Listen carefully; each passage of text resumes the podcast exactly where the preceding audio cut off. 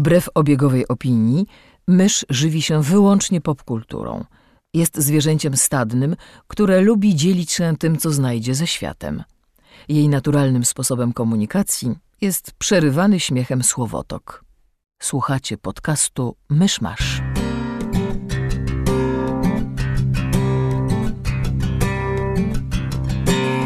Gospodarzami podcastu Myszmasz są Krzysiek Sera, redaktor portalu Avalon.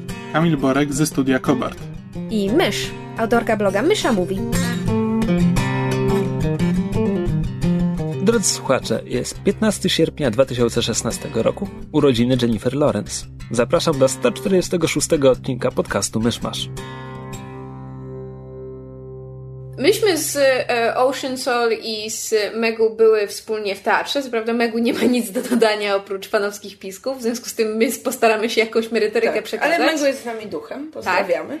E, wybrałyśmy się na e, musical Kabaret w teatrze dramatycznym na scenie imienia Gustawa Holubka w Pałacu Kultury i Nauki. E, ja byłam po raz drugi, e, dziewczęta były po raz pierwszy. E, I chciałyśmy w dwóch słowach powiedzieć, ponieważ je- jest to spektakl, który pewnie jeszcze przez jakiś czas będzie leciał, więc można się na niego wybrać i mm, chcemy powiedzieć, czy warto. Tak, oglądałyśmy z pierwszego rzędu, żeby móc patrzeć aktorom prosto w oczy. Albo inne części ciała, którymi namiętnie wywijają, bo to taki rodzaj musicalu. Tak.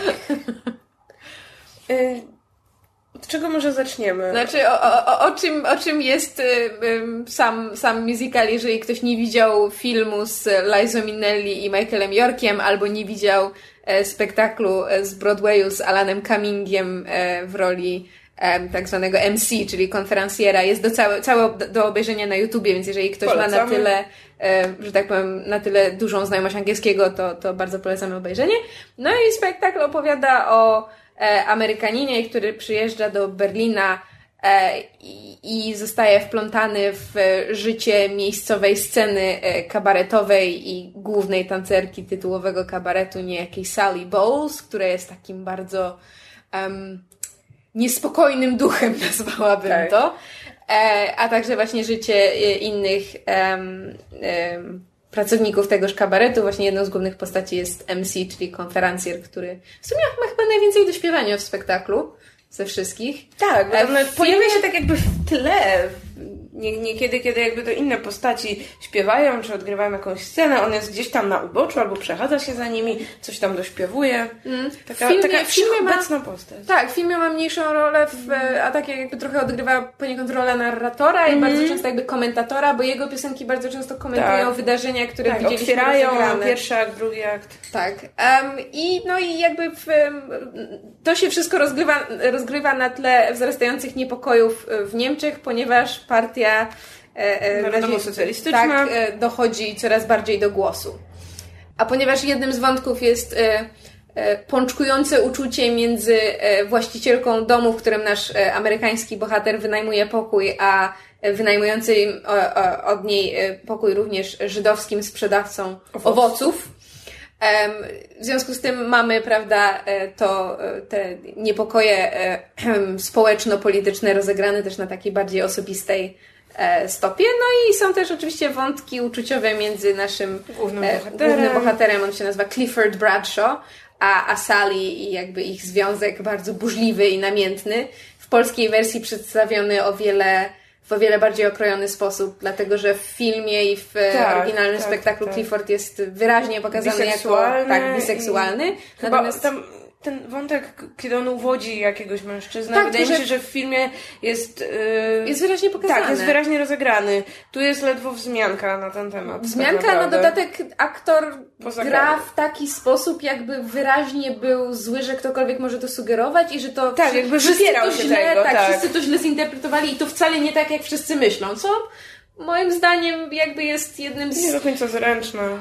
jednym z wielu aspektów tej sztuki, który potwierdza to, że ona nie jest naj, naj, najsensowniej um, zainscenizowana. Przepraszam bardzo, a ten wątek miłości do ży- żydowskiego sprzedawcy owoców to było w filmie?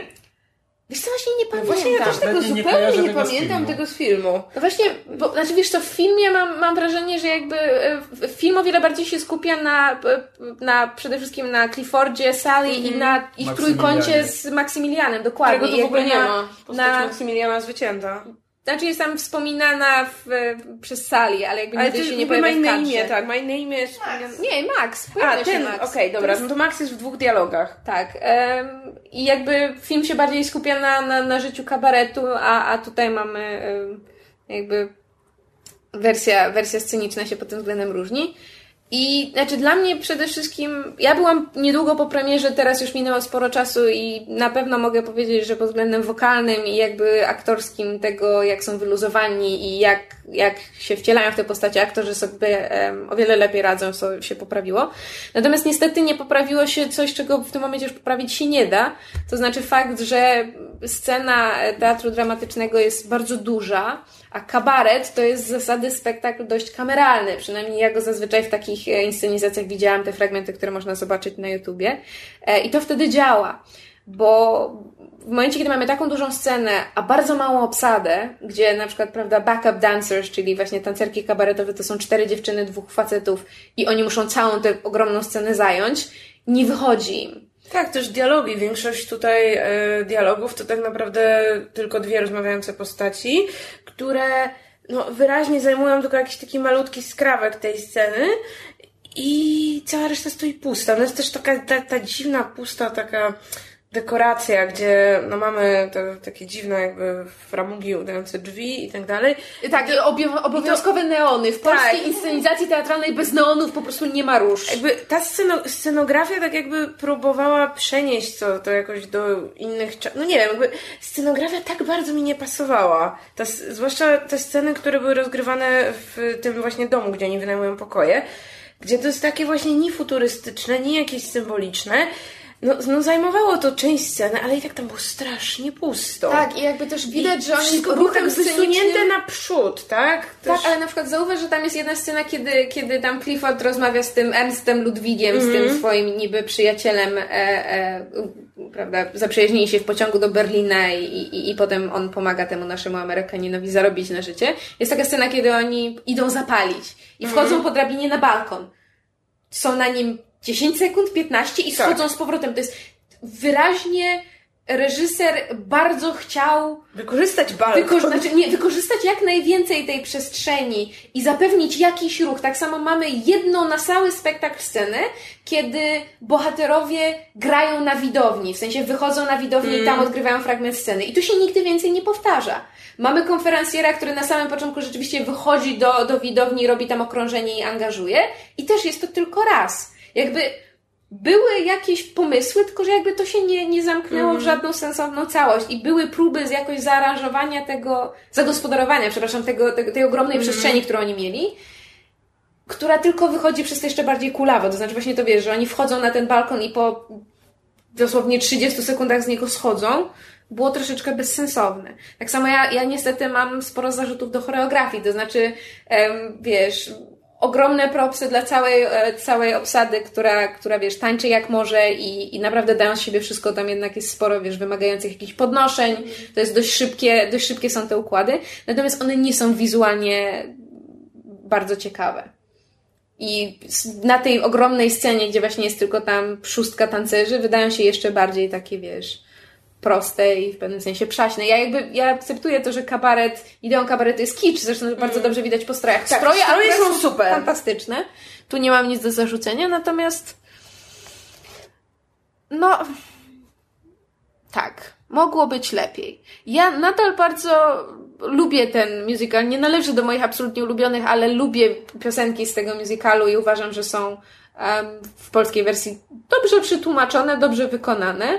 E, natomiast miałam sporo zarzutów. Myśmy trafiły na, na, na wieczór, kiedy były angielskie napisy. które tak bardzo nijak się mają. Czasami mam wrażenie, czy oni nie wzięli przypadkiem w przypadku piosenek oryginalnych tekstów, Tak. które tak bardzo nie odpowiadają temu, co koniec końców śpiewane jest na scenie. No napisy Ale- angielskie są, od, od, są sobie. Znaczy, by, by, Sobie momentami były tłumaczone dobrze, a, a potem nagle się pojawia na przykład taki kwiatek, że, że kiedy właśnie Ernst z, z e, Cliffordem się poznają w pociągu i Ernst się pyta, czy, czy, czy, czy, jakby, czy, czy, czy to miejsce jest wolne. To po angielsku było is it permitted? Co? Co? Znaczy po prostu tak zupełnie znikąd wiesz, wzięty. Ktoś to pomylił z czy wolno. No właśnie, znaczy jakby ja rozumiem, gdzie nastąpił przeskok, tylko że nikt tego nie wyłapał. E, natomiast e, aktorzy się sprawdzają dobrze. Ja niestety jestem fatalnym e, widzem teatralnym, to znaczy bardzo rzadko pamiętam, kogo widziałam. No bo nie oszukujmy się, nie oszukujmy słuchaczy, poszłyśmy tam dla jednej roli, Tak. która usatysfakcjonowała nas całkowicie. E, No właśnie rola e, konferencjera, czyli MC, e, wspominana przez nas, e, wciela się w niego Krzysztof Szczepaniak, młody aktor, znany e, fanom e, filmików studia Akantus, bo się u nich pojawia i z- znany również osobom, które chadzają często na spektakle teatru dramatycznego, ponieważ jest stałej trochę z obsadzie. dubbingu, między innymi z Wieżogrodu. Tak, Zwierzogrodu i Kapitan Ameryki. Ostatnio coraz częściej e, ma w, w, w polskim dubbingu kwestie. I jakby nie zawiodłyśmy się pod tym względem, to znaczy Krzysiek Szczepaniak fenomenalnie się po prostu wciela w swoją rolę, że Tak, urodził taką charyzmę sceniczną i śpiewa, gra na najwyższym poziomie, tak więc Tak, dla niego, Polecamy. dla niego warto się wybrać. Znaczy w ogóle wydaje mi się, że warto, warto zobaczyć tę inscenizację, żeby e, po pierwsze zobaczyć e, kabaret na żywo, po drugie zobaczyć właśnie w polskiej inscenizacji, zobaczyć co nam pasuje, co nie, czy to jest nasz typ musicalu. To Tak. każdemu to będzie odpowiadało. Ja na przykład też nie, nie byłam nigdy fanką filmowej wersji i tak szłam na, e, którą widziałam zresztą bardzo dawno temu, więc szłam na spektakl nie mając w głowie właściwie żadnej piosenki. I tak jak w trakcie przedstawienia niewiele Niewiele z nich mnie jakoś bardzo porwało, niewiele zapadło w pamięć, no tak dzień po widzę, że przynajmniej ze dwie jestem w stanie sobie nucić, więc no może jak na musical nie jest to spektakularny wynik, ale parę, parę utworów w głowie zostaje. Tak, no w każdym razie, jeżeli ktoś ma możliwość pójść w Warszawie na spektakl albo będzie w Warszawie, chciałby zobaczyć to, to myślę, że, że warto. Tak, zwłaszcza, że jak na spektakl musicalowy, to wydaje mi się, że to jest jeden z tych tańszych, na jakie można się w Warszawie wybrać, bo to jest poniżej połowy tego, za co się pójdzie na przykład w Romie. Tak. I dużo mniej nawet niż się też pójdzie w Rampie, więc jeśli... i, na, i, i znaczy, nas bolały troszkę głowy od siedzenia w pierwszym rzędzie, natomiast pierwsze dwa, trzy rzędy kosztują 50-60 zł i warto w nich siadać, ponieważ rzeczywiście, tak jak e, Ocia mówiła, że bardzo wiele spektaklu się dzieje z, bardzo od Na frontu, początku, tak, tak, z, no, z, z przodu, przodu no. sceny, w związku z tym em, tam jest wchodzenie w interakcję z widownią, tam jest sporo, prawda, mrugania, uśmieszków i, i droczenia się z widownią, więc to jest fajne przeżycie teatralne. E, Natomiast jeżeli ktoś e, nie może być w Warszawie albo chciałby się zapoznać z inną wersją, no to na pewno warto obejrzeć film i bardzo warto obejrzeć e, wersję właśnie broadwayowską z, na YouTubie, ponieważ Alan Cumming jest kwintesencją roli konferencjera i jakby do niego zawsze wszyscy są porównywani. I to chyba myślę, że tyle mamy do powiedzenia, żeśmy się naprodukowały o spektaklu. Tak, sam, sama nie wiem, bytność w teatrze, Ale te, sami rozumiecie, a lot of tak, feelings. Aktorzy tak blisko, wszystko to spowodowało, że po wyjściu pierwsze co zrobiliśmy, to kupiliśmy bilety na kolejny spektakl teatru dramatycznego. Znaczy, więc- umówmy się, na to wpływ miał również fakt, że wpadłyśmy wychodząc na, na Szczepaniaka, który nas gorąco zachęcił do tego, żeśmy kupiły bilety. Więc, Więc- czym prędzej żeśmy to tak, zrobiły. kupiłyśmy bilety, więc e, Za parę miesięcy myślę, że na jesieni kolejny, będziemy tak, opowiadać o kolejnej wizycie w teatrze, tym razem nie na musicalu, ale to, To już to następnym się razem. przekonacie. Tak. Ja ostatnio zagrałem w nową grę, głównie dlatego, że od razu disclaimer, że e, w jej produkcji grał, w jej produkcji brał udział mój znajomy, e, więc postanowiłem sprawdzić, co takiego, e, co takiego robi firma, w której pracuję. sorry, my father is calling. Mówiłeś o grze. Jest to gra studia Think Trunk, które zasadniczo zajmuje się takimi bardziej casualowymi grami. A to jest jakby seria Return to Games, która ma się składać docelowo z chyba z siedmiu tytułów. E, I każdy tytuł jest e, trochę parodią, ale też zupełnym jakby na nowo wyobrażeniem klasycznych gier. Jakby na pierwszy ogień poszło, to się nazywa Book of Demons, które jest tak naprawdę odtworzeniem Diablo. tylko z zupełnie nową mechaniką. E, no i jakby z tak klimatem to tylko to parodiuje. E, parodiuje Diablo. Jakby jest, jest katedra, pod którą czyha wielkie zło i do której musimy wkroczyć i pokonać demony. Jest starzec, który, który nam mówi, co mamy robić i tam cała wioska, która nam e, udziela różnych usług. Czekaj, a mówisz paroduje Diablo, ale czy to ma być gra komediowa w zamyśle, czy po prostu trochę się nabijają, a potem trochę się nie ma humoru? To jest, to jest, bardziej, to jest bardziej taki pastisz, że po prostu wy, wykorzystuje wątki, które jakby znamy z Diablo, ale jakby powiedzmy, że fabuła nie jest tam szczególnie zaawansowana. Nie, okej, okay, po prostu tr trochę się zdziwiłem, no bo w Diablo nie ma materiału, który można sparodiować. Tak, tam, można, można się tam, nie wiem, można się momentami zaśmiać, ale to raczej nie jest to, to nie jest komedia taka pełną gębą. Tylko, że no jakby cała mechanika jest to jest, y, oni to nazywają midcore. Z jednej strony trochę dla casualowych graczy, trochę dla, trochę dla hardkorowych graczy, ale przede wszystkim dla graczy, którzy na przykład grali w Diablo wiele lat temu, wtedy kiedy wyszło, a teraz już są dorosłymi ludźmi z obowiązkami, którzy nie mają czasu na to, żeby włożyć kilka godzin w Diablo, więc to jest wszystko ustawione tak, że e, to jest zresztą sprytna mechanika, bo przed każdym zejściem do podziemi ustawiasz sobie długość sesji, że jakby masz, e, gra poza tym uczy się tego, jak, jak szybko ci idzie przechodzenie poziomów i radzenie sobie z poziomami i jakby ustawiasz, że możesz sobie ustawić, że na przykład chcesz zagrać przez 10 minut i ustawiasz sobie na sliderze 10 na na przykład albo 20 minut, że masz teraz na zagranie i jakby grać w montuje z tego kilka poziomów, zapełnia je potworami tak, żebyś w te 10 minut mniej więcej się uwinął z przejściem tego poziomu. E, I to jest bardzo, bardzo, bardzo sprytna mechanika. A sama gra wygląda tak, że jak już schodzimy do tych podziemi, to nie mamy tak jak Diablo, że tam klikamy i nasza postać gdzieś tam idzie, tylko mamy korytarz. Jakby poruszamy się tylko i wyłącznie po, jakby po wyznaczonej trasie wzdłuż korytarza i możemy jakby iść albo w przód, albo w tył i ewentualnie jakby skręcać na skrzyżowaniach. E, pojawiają się potwory i klikając na te potwory, tak jak Diablo, klikamy na potwory, żeby zadawać im obrażenia. Tylko, że zamiast mieć umiejętności, które na przykład za pedeki e, rozwijamy, to tutaj zdobywa się karty.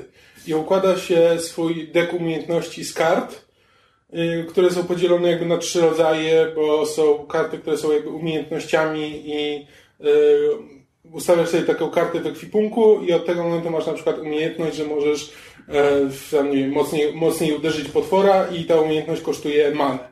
I po prostu używasz, y, używasz tej karty, żeby, e, żeby zadać dodatkowe obrażenia. Potem są jeszcze karty e, ekwipunku, czyli na przykład magiczne eliksiry od y, dające życie, albo bomby, albo tego typu różne gadżety, które po prostu w, w trakcie gry zbierasz um, ładunki, na przykład właśnie eliksiry albo bomby i w, masz po prostu ich określoną ilość, której możesz użyć.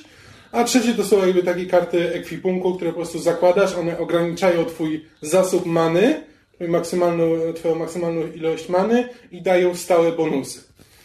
I po prostu z tych kart możesz sobie składać e, dowolnie e, taki dek umiejętności. E, wraz z postępami jakby coraz więcej kart możesz dokładać do tego deku. I, w, i dalej no, zagłębia, zagłębiasz się w te, w te lochy, pojawiają się nowe typy potworów i każdy nowy typ potworów wymaga jakby nowej strategii zmiany, zmiany tego deku, Czy który masz. Podstawowy dla Diablo element gameplayu, czyli model klatki Skinnera zostaje odtworzony wiernie? E, tak, no bo jakby im dalej, im dalej idziesz, tym więcej no, dostajesz, dostajesz najpierw e, sporo różnych kart i sobie z nich układasz i potem zdobywasz tam kolejne punkty doświadczenia, zdobywasz kolejne poziomy, z kolejnymi poziomami dostajesz albo więcej zdrowia, albo więcej many. I to jest jeszcze też taki ciekawy system, że jak awansujesz na kolejny poziom, to możesz wybrać albo dostajesz życie, albo manę. Masz tylko dwa wybory binarne. Albo życie, albo jedno dodatkowe życie, albo jedna dodatkowa mana. Jak wybierzesz na przykład życie, to ta dodatkowa mana wpada do kotła e, w wiosce. I e, do tego kotła właśnie wpadają te e, te punkty, których nie wybrałeś, przechodząc na wyższe poziomy i nagrody, które wypadają z, na różnych, na kolejnych poziomach lochów wypadają z bossów, z poważniejszych potworów wypadają nagrody, które też wpadają do kotła. Żeby odebrać nagrody, musisz wrócić do wioski, zapłacić odpowiednią ilość złota i wtedy dopiero odbierasz nagrody. E, tylko, że to jest, y, mm, to jest taki system tak zwany push your luck. e, Bo możesz, bo jeśli zginiesz, to stracisz te nagrody, które w tym momencie są w kotle. Więc musisz po prostu zdecydować, a im, im częściej korzystasz z kotła, tym drożej, e, e, tym jest to droższe. Więc musisz jakby oszczędzać, nie, nie wracać zbyt często do wioski i e, odzyskiwać te punkty, które trafiły do kotła, ale jednocześnie musisz uważać na to, że w, e, żeby nie być za słaby, bo jak zginiesz, to wszystko to, co tam zbierałeś, przepadnie. E, no i to jest taka, taka sprytna, sprytna mała gierka, w którą właśnie można, można sobie pograć w, w bardzo taki krótki, że jak, jak wiesz, że masz konkretną ilość czasu, żeby sobie teraz pograć, albo chcesz sobie zrobić przerwę w pracy i wiesz, że masz 15 minut, ustawiasz sobie grę na 15 minut i wiesz, że mniej więcej po tych 15 minutach ją skończysz. I jakby wszystko jest przed, bardzo, bardzo fajnie ograne graficznie, bo jakby cała oprawa graficzna to jest z, zrobiony jak taki tak zwany pop-up book, czyli taka książka z... Wycinanki z papieru. Znaczy, no, No, otwierasz książkę i się stawiają takie kontury rzeczy. No pop-up book, no. No właśnie, właśnie. Dziękuję, że mi pomogłeś to wytłumaczyć. Proszę bardzo. Także jeśli ktoś nie wie, to na pewno zrozumiał.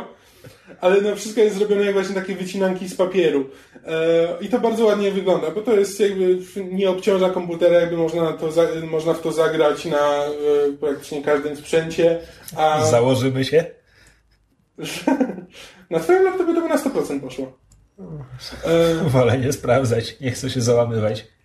tobie by się nie spodobało, że nie lubisz hack and slashy. To inna sprawa. E, e, tak, i jakby oprawa, oprawa graficzna robi wrażenie, e, jest unikalna. No, i to są, to są malutkie gierki, w sam raz, w sam raz na chwilę, pograć dla tych, którzy mają jakby nostalgię do tego, do tego tytułu, ale nie mają czasu, żeby do niego wrócić. To jest jakby idealne. Kto teraz?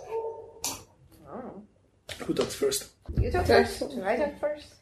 Megu mnie wypycha.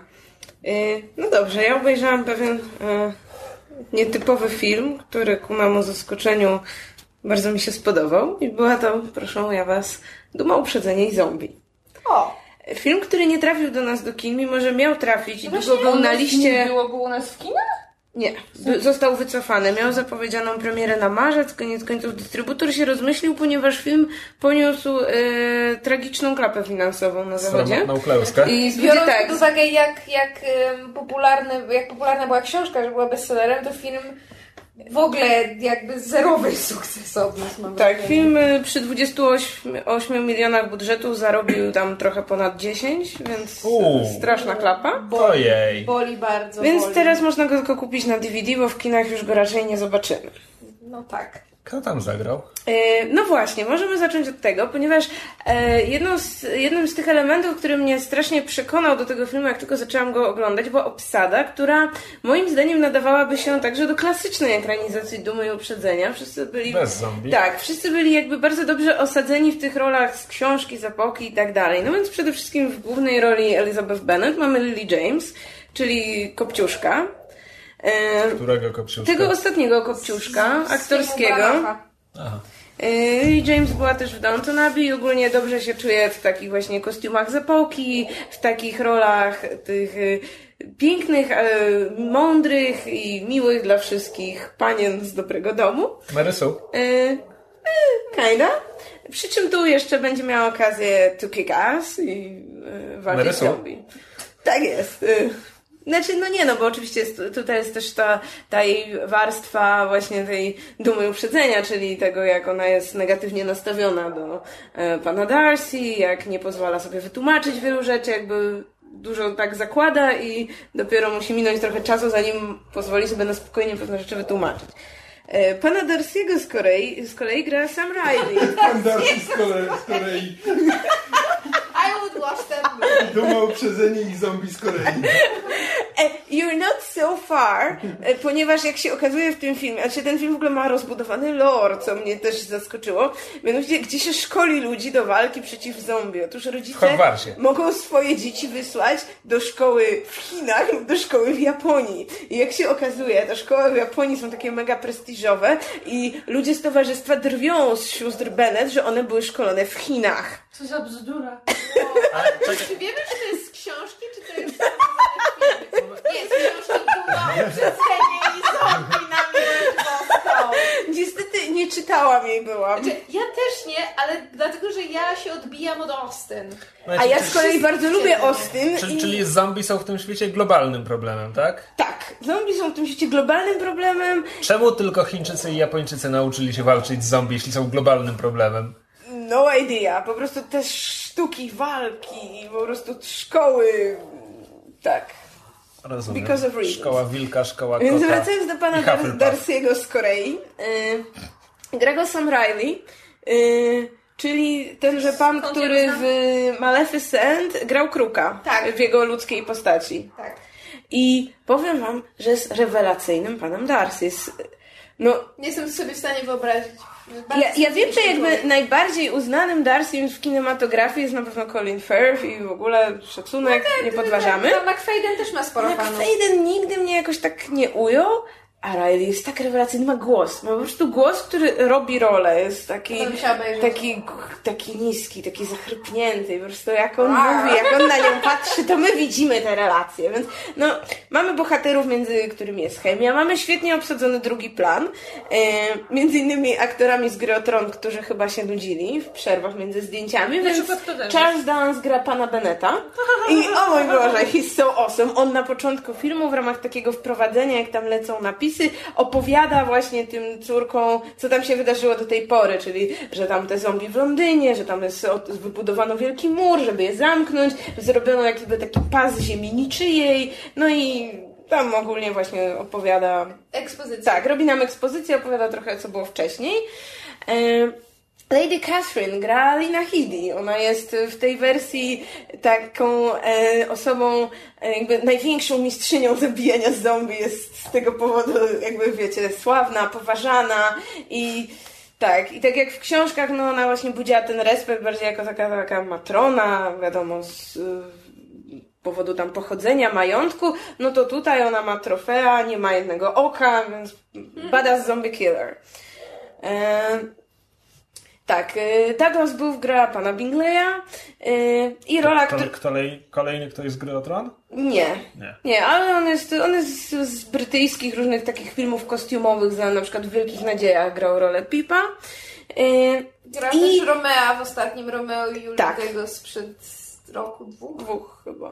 Tak. Jest tak, jest jeszcze rola, która kradnie absolutnie wszystko, kiedy tylko pojawia się na ekranie, mianowicie e, Matt Smith, który gra tego ich kuzyna, który bardzo chce się wydać za jedną z sióstr Bennett. E, Tego, który jest pastorem? tak, tego, który jest pastorem, dokładnie, jak on tam się nazywa. Pan Collins. Tak. więcej do grania niż w Terminatorze? Oj, dużo więcej. Jest po prostu e, taki pyszałkowaty i to jest tak, tak zabawne w tym filmie. Po prostu to jest najlepiej obsadzony pan Collins w historii Dumy i Uprzedzenia. E, Zombie. Z Korei. zombie z Korei. E, więc tak, mamy już fenomenalną obsadę. Mamy, wiadomo, mamy ten cały szkielet z Austin, który no musi być dobry, bo jest z Austin i niewiele się tam, jakby niewiele go zmienili, jakby tak naprawdę ten cały zarys główna historia, wszystkie te wątki miłosne, to się wszystko tam rozgrywa, a zombie są tak naprawdę dodane, nie wiem, w charakterze, żeby było trochę akcji, żeby było trochę takich przefajnowanych scen, gdzie one ubierają, na przykład, ubierają się na bal, siostry Bennett ubierają się na bal, więc tam te scena typowa, taka wiążemy gorsety, tam wkładamy pończochy, po czym one zaczynają przywdziewać na siebie też broń, że tu chowają nóż w but, tam jakieś inne inne, inne tam kusze jakieś chowają całe żelastwo, jakie mają w domu. Albo właśnie, że po balu tam atakują zombie, więc są te wszystkie sceny, gdzie tam one robią z fikołki, zażynają co się da. I to działa. To działa. Ja jestem bardzo zaskoczona. E, to Im dłużej o tym opowiadasz, tym bardziej mi się przypomina, jak jakiś czas temu Biblia została przełożona na język hip-hopowców, żeby przemawiać do młodzieży. Tak sobie myślę, że czy ktoś wpadł na pomysł, że dziełki zombie ludzie sięgną po Jane Austen. Powiem tak. To nie jest wcale takie głupie, no bo z tego co wiem, to książka polega na tym, że jest tam to, co napisała Jane Austen i pomiędzy paragrafy powtykane są zdania dotyczące zombie. Że jakby to nie to, że autor przepisał historię na nowo, tylko raczej no tam coś wyrzucił, coś dopisał, ale Austin tam jest w tej książce. No plus... Pan Darcy wyszedł z wody, zanim wyszło 15 zombie. Sort of, that's the general idea, tak. Mm, I nie jest to, jakby nie jest to pierwsza adaptacja tego typu książki, bo pierwszy był, z tego co wiem, Abraham Lincoln, Łowca Wampirów, którego próbowałam kiedyś obejrzeć i nie dało się. Fatalny Ten film był film. fatalny, mimo że też, znaczy miał przynajmniej chyba parę dobrych też osób w obsadzie, z tego co pamiętam, Ale ale był kompletną porażką, nie dało się tego oglądać. I tym większe zdumienie, że tutaj moim zdaniem się udało, że e, działa warstwa dumy uprzedzenia, działa warstwa zombie, jakby wątek zombie jest tu całkiem rozbudowany, e, bo w pewnym momencie zaczynają nam się pojawiać oprócz tych typowych bezmózgich zombie, które atakują, mamy zombie bardziej świadome, które nie jadły ludzkich mózgów, tylko mózgi świń i które próbują gdzieś tam się porozumieć z ludźmi. Są ludzie, którzy jakby wspierają ten plan, żeby z zombie się dogadać. Plus są ludzie, którzy uważają, Zombie że zniszczmy wszystkie zombie. I teraz właśnie pytanie... Zombie? Tak, pytanie jak to się dalej rozegra i wydaje mi się, że rozwiązanie, te, jakby to po czyjej stronie stają nasi główni bohaterowie, no zaskakuje. Z emancypantki? Uuu, nice. Tak, więc wydaje mi się, że warto spróbować. A czy, czy mam takie, przepraszam, że się mm takie pytanie, czy jeżeli ktoś nie przepada za Austin, bo tak, Mhm. ja robiłam wiele podchodów do książek, nie wyszło. Ekranizację Austin mogę oglądać, nie jestem jakoś strasznie obrażona, natomiast ja na przykład najbardziej lubię, chyba jedną z najmniej znanych, lubię, lubię Mansfield Park, dlatego, że tam jest Johnny Lee Miller, więc właściwie mój główny powód do lubienia tej Austin. E, czy na przykład w takim razie dla kogoś, kto niekoniecznie jest wielkim fanem Dumy i Uprzedzenia i Austin, czy to jest wciąż fajny film? Jeśli nie przeszkadza ci to, że to jest z założenia głupie, to, Nigdy mnie to nie powstrzymało. To wydaje mi się, że to jest bardzo dobry wybór. Znaczy, zwłaszcza jeśli na przykład, nie wiem, przyciągają cię któreś nazwiska z obsady i tak dalej. Tak, jak najbardziej. No jakby, no z dumy uprzedzenia jest ta fabuła, którą no znasz, obojętnie tam na ile cię przekonuje, na ile nie. No i to tu będzie, tak? Jakby te wszystkie wątki rozegrają się w ten sam sposób. Ale hej, są do tego zombie, są do tego sceny jest do tego humor, który działa. Yy, więc moim zdaniem warto zaryzykować. No, cool. Niecałe tam dwie godziny i ja się bardzo dobrze bawiłam. Żałuję, że nie było tego u nas w kinach. Zachęciłaś mnie. Tak więc yy, polecam. Znak jakości. W kategorii śmieszne filmy z zombie moje top 3. Nice. A co jest na pierwszych dwóch miejscach? Yy, Zombieland i ojej, Edgara Wrighta ten Shaun film. Wysyp żywych trupów, Shaun tak? of the Dead, tak. tak. Tak więc tak jakby ktoś chciał śmieszny film o zombie, to polecam. Megu, książka? A, a więc skończyłam w końcu czytać książkę, nad którą e, siedziałam dobrych parę tygodni. Nie dlatego, że była nieciekawa, tylko dlatego, że e, ogólnie e, czasu ostatnio jakoś mniej. E, ale e, myślę, że fajnie wpisuje się ona w ostatni, ostatnie około Batmanowe te tematy typu Killing Joke, typu premiera Batman v Superman i nadchodzące Justice League i wszystko, co robi ogólnie DC w temacie Batmanowym. E, Jest to książka, e, która się nazywa The Cape, The Caped Crusade Batman and the Rise of Nerd Culture. To nie jest książka wydana po polsku, ona się dopiero w USA ukazała w marcu tego roku. Jej autorem jest Glenn Wildon, który jest em, redaktorem e, radia, amerykańskiego radia NPR e, i który współprowadzi również podcast e, NPR Pop Culture Happy Hour. Czyli to jest taki myszmasz, tylko, e, tylko mówię po angielsku. Tylko poważny, lepszy i dociera do 100 razy więcej słuchaczy. Wy to powiedzieliście, nie ja. Tu. Niczym. Tak, sporo. E, ogólnie e, Glenn Wildon jest publicystą, który zajmuje się pisaniem o książkach i komiksach. E, sam jest zdeklarowanym geekiem i interesuje się wszystkim, co, co jest popularne w tym nerdowskim fandomie. Wcześniej napisał już coś, co nie wiem, czy to, to, to tytuł tej książki to był biografia Supermana, czy to, po, w, każdym, w każdym razie coś w tym rodzaju, więc um, już y, siedzi w temacie i wie, jak się tego typu książki pisze. E, jeżeli ktoś czytał um, największą historię Marvel Comics i książka mu się podobała, to jest to e, książka w, bardzo podobnym formacie, e, napisana może troszeczkę lżejszym językiem, bo facet ma niesamowity styl, e, ale e, generalnie podchodzi do tematu w podobny sposób. To znaczy bierze Batmana jako markę i stara się podsumować całą historię, całą historię postaci od momentu, kiedy Batman zaczął się ukazywać jako komiks w 1939 roku, do momentu, aż kończy nam się kampania promocyjna Batman v Superman.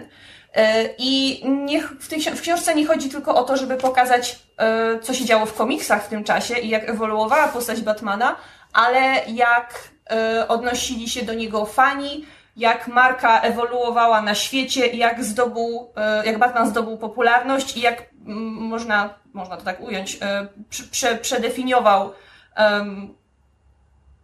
bycie fanem czegokolwiek i bycie w fandomie e, czegokolwiek. E, I e, książka, wiadomo, bierze komiksy i przedstawia takie najbardziej główne eventy z całej historii e, Batmana na kartach komiksów. Więc jeżeli ktoś czytał te wszystkie komiksy i zna największe wydarzenia z historii Batmana, to e, bardzo często będzie się łapał na tym, że już gdzieś to wszystko słyszał bo to na pewno nie jest, y, nie jest odpowiednia książka dla, dla, dla kogoś, kto jest takim zatwardziałym e, fanem e, cał, całej serii. Niemniej jednak sam autor, ponieważ jest takim zdeklarowanym nerdem i ma takie strasz, strasznie znerdziałe, znerdziałe wtrętki do, do, do tekstu i pisze naprawdę w fantastyczny sposób, e, dodaje od siebie takie komentarze, które, które są strasznie zabawne i przez to całą książkę bardzo, bardzo fajnie się czyta. Autor oprócz komiksów omawia też wszystkie filmy z Batmanem i całą historię y, Batmana na ekranie telewizyjnym i na ekranie y, wielkim kinowym. Czyli mamy tutaj nie tylko, y, nie, nie, zaczynamy od filmów Bartona, ale idziemy, zaczynamy już wcześniej i omawiamy cały, cały serial, z lat, 60, tak, z lat 60. całą... a, ten, a ten serial czarno-biały z lat 40 też, też jest wspomniany. Tam wszystko, cała bytność Batmana w popkulturze jest omówiona krok po kroku i tam bardzo fajnie... Seriale jest... animowane? Też. Też. O serialach animowanych jest bardzo dużo, bo widać, że e, autor je wszystkie widział i że je uwielbia i on po prostu tak nerdzi nad tymi serialami animowanymi, że tobie by się to spodobało. Ja się, Krzyś, pokazuje, to, pokazuje to na Krzyśka w tym że, momencie. Już wiemy, co kupimy no. Krzyśkowi jako prezent na urodziny. Pożyczasz nam wszystkim. Znaczy, ja byłam pierwsza. No. E, ale to, co też w tej książce było takie fajne, to e, strasznie mi się podobało, jak autor opisywał tam relacje fanów z Batmanem, to znaczy od tego skrajnego uwielbienia po te momenty, kiedy e, fani dostawali po prostu szału i piany na ustach, jak Schumacher zaczął robić swoje filmy, jak nienawidzili Adama Westa i jego serialu z lat 60. I Później jak zaczęli kochać Nolana, bo nagle Nolan podobno odkrył, jaki to Batman jest mroczny i fantastyczny i jak to e, fani rzucali mięchem w krytyków, którzy odważali się mówić, powiedzieć złe słowo na temat któregokolwiek z filmów Nolana. Także e, autor nie, e, nie omawia samej, samej historii Batmana, ale też jego relacje z fandomem i to, jak fandom reagował na różne zmiany, e, które pojawiały się w komiksach, które się pojawiały w filmach. E, książka jest napisana bardzo e, bardzo fajnym, zabawnym językiem. Mnóstwo jest takich anegdot, wtrętków z, z nerdowskiego życia autora. Na przykład pojawia, na samym początku książkę otwiera scena, w której w której e, facet stoi, e, czyli autor stoi w kolejce na zeszłorocznym Comic Conie przez kilka godzin tylko po to, aby przez minutę posiedzieć w Batmobilu i zastanawia się, co on właściwie robi ze swoim życiem. Więc to, to, to jest e, tego, tego typu narracja. Tak, my to wszyscy, my to wszyscy rozumiemy. E, także ogólnie ja książkę bardzo polecam, bardzo fajnie się ją czyta e, i dostarcza mnóstwo nowych informacji, jeżeli się tak bardzo w temacie nie siedzi. A nawet jeżeli się siedzi i nawet jeżeli się wydaje, że o Batmanie się wie wszystko, to e, mimo to i tak myślę, że warto po nią sięgnąć. Fajnie by było, gdyby się ukazała po polsku, bo jest naprawdę strasznie, strasznie ciekawa. Może trzeba by poprosić to właśnie wydawnictwo, Może. Od, y, co- które wydało historię Marvela. Może trzeba by poprosić. A jak dostanie się tłumaczca od historii Gwiezdnych Wojen? Nie, jej tego nie dawajmy, Nie, to inne proszę. wydawnictwo na szczęście. Tu był dobry tłumacz. Ja mam psyki teoretycznie w Cine Qua non, albo mogłabym mieć. Możesz coś podszepnąć. Mamy mieć.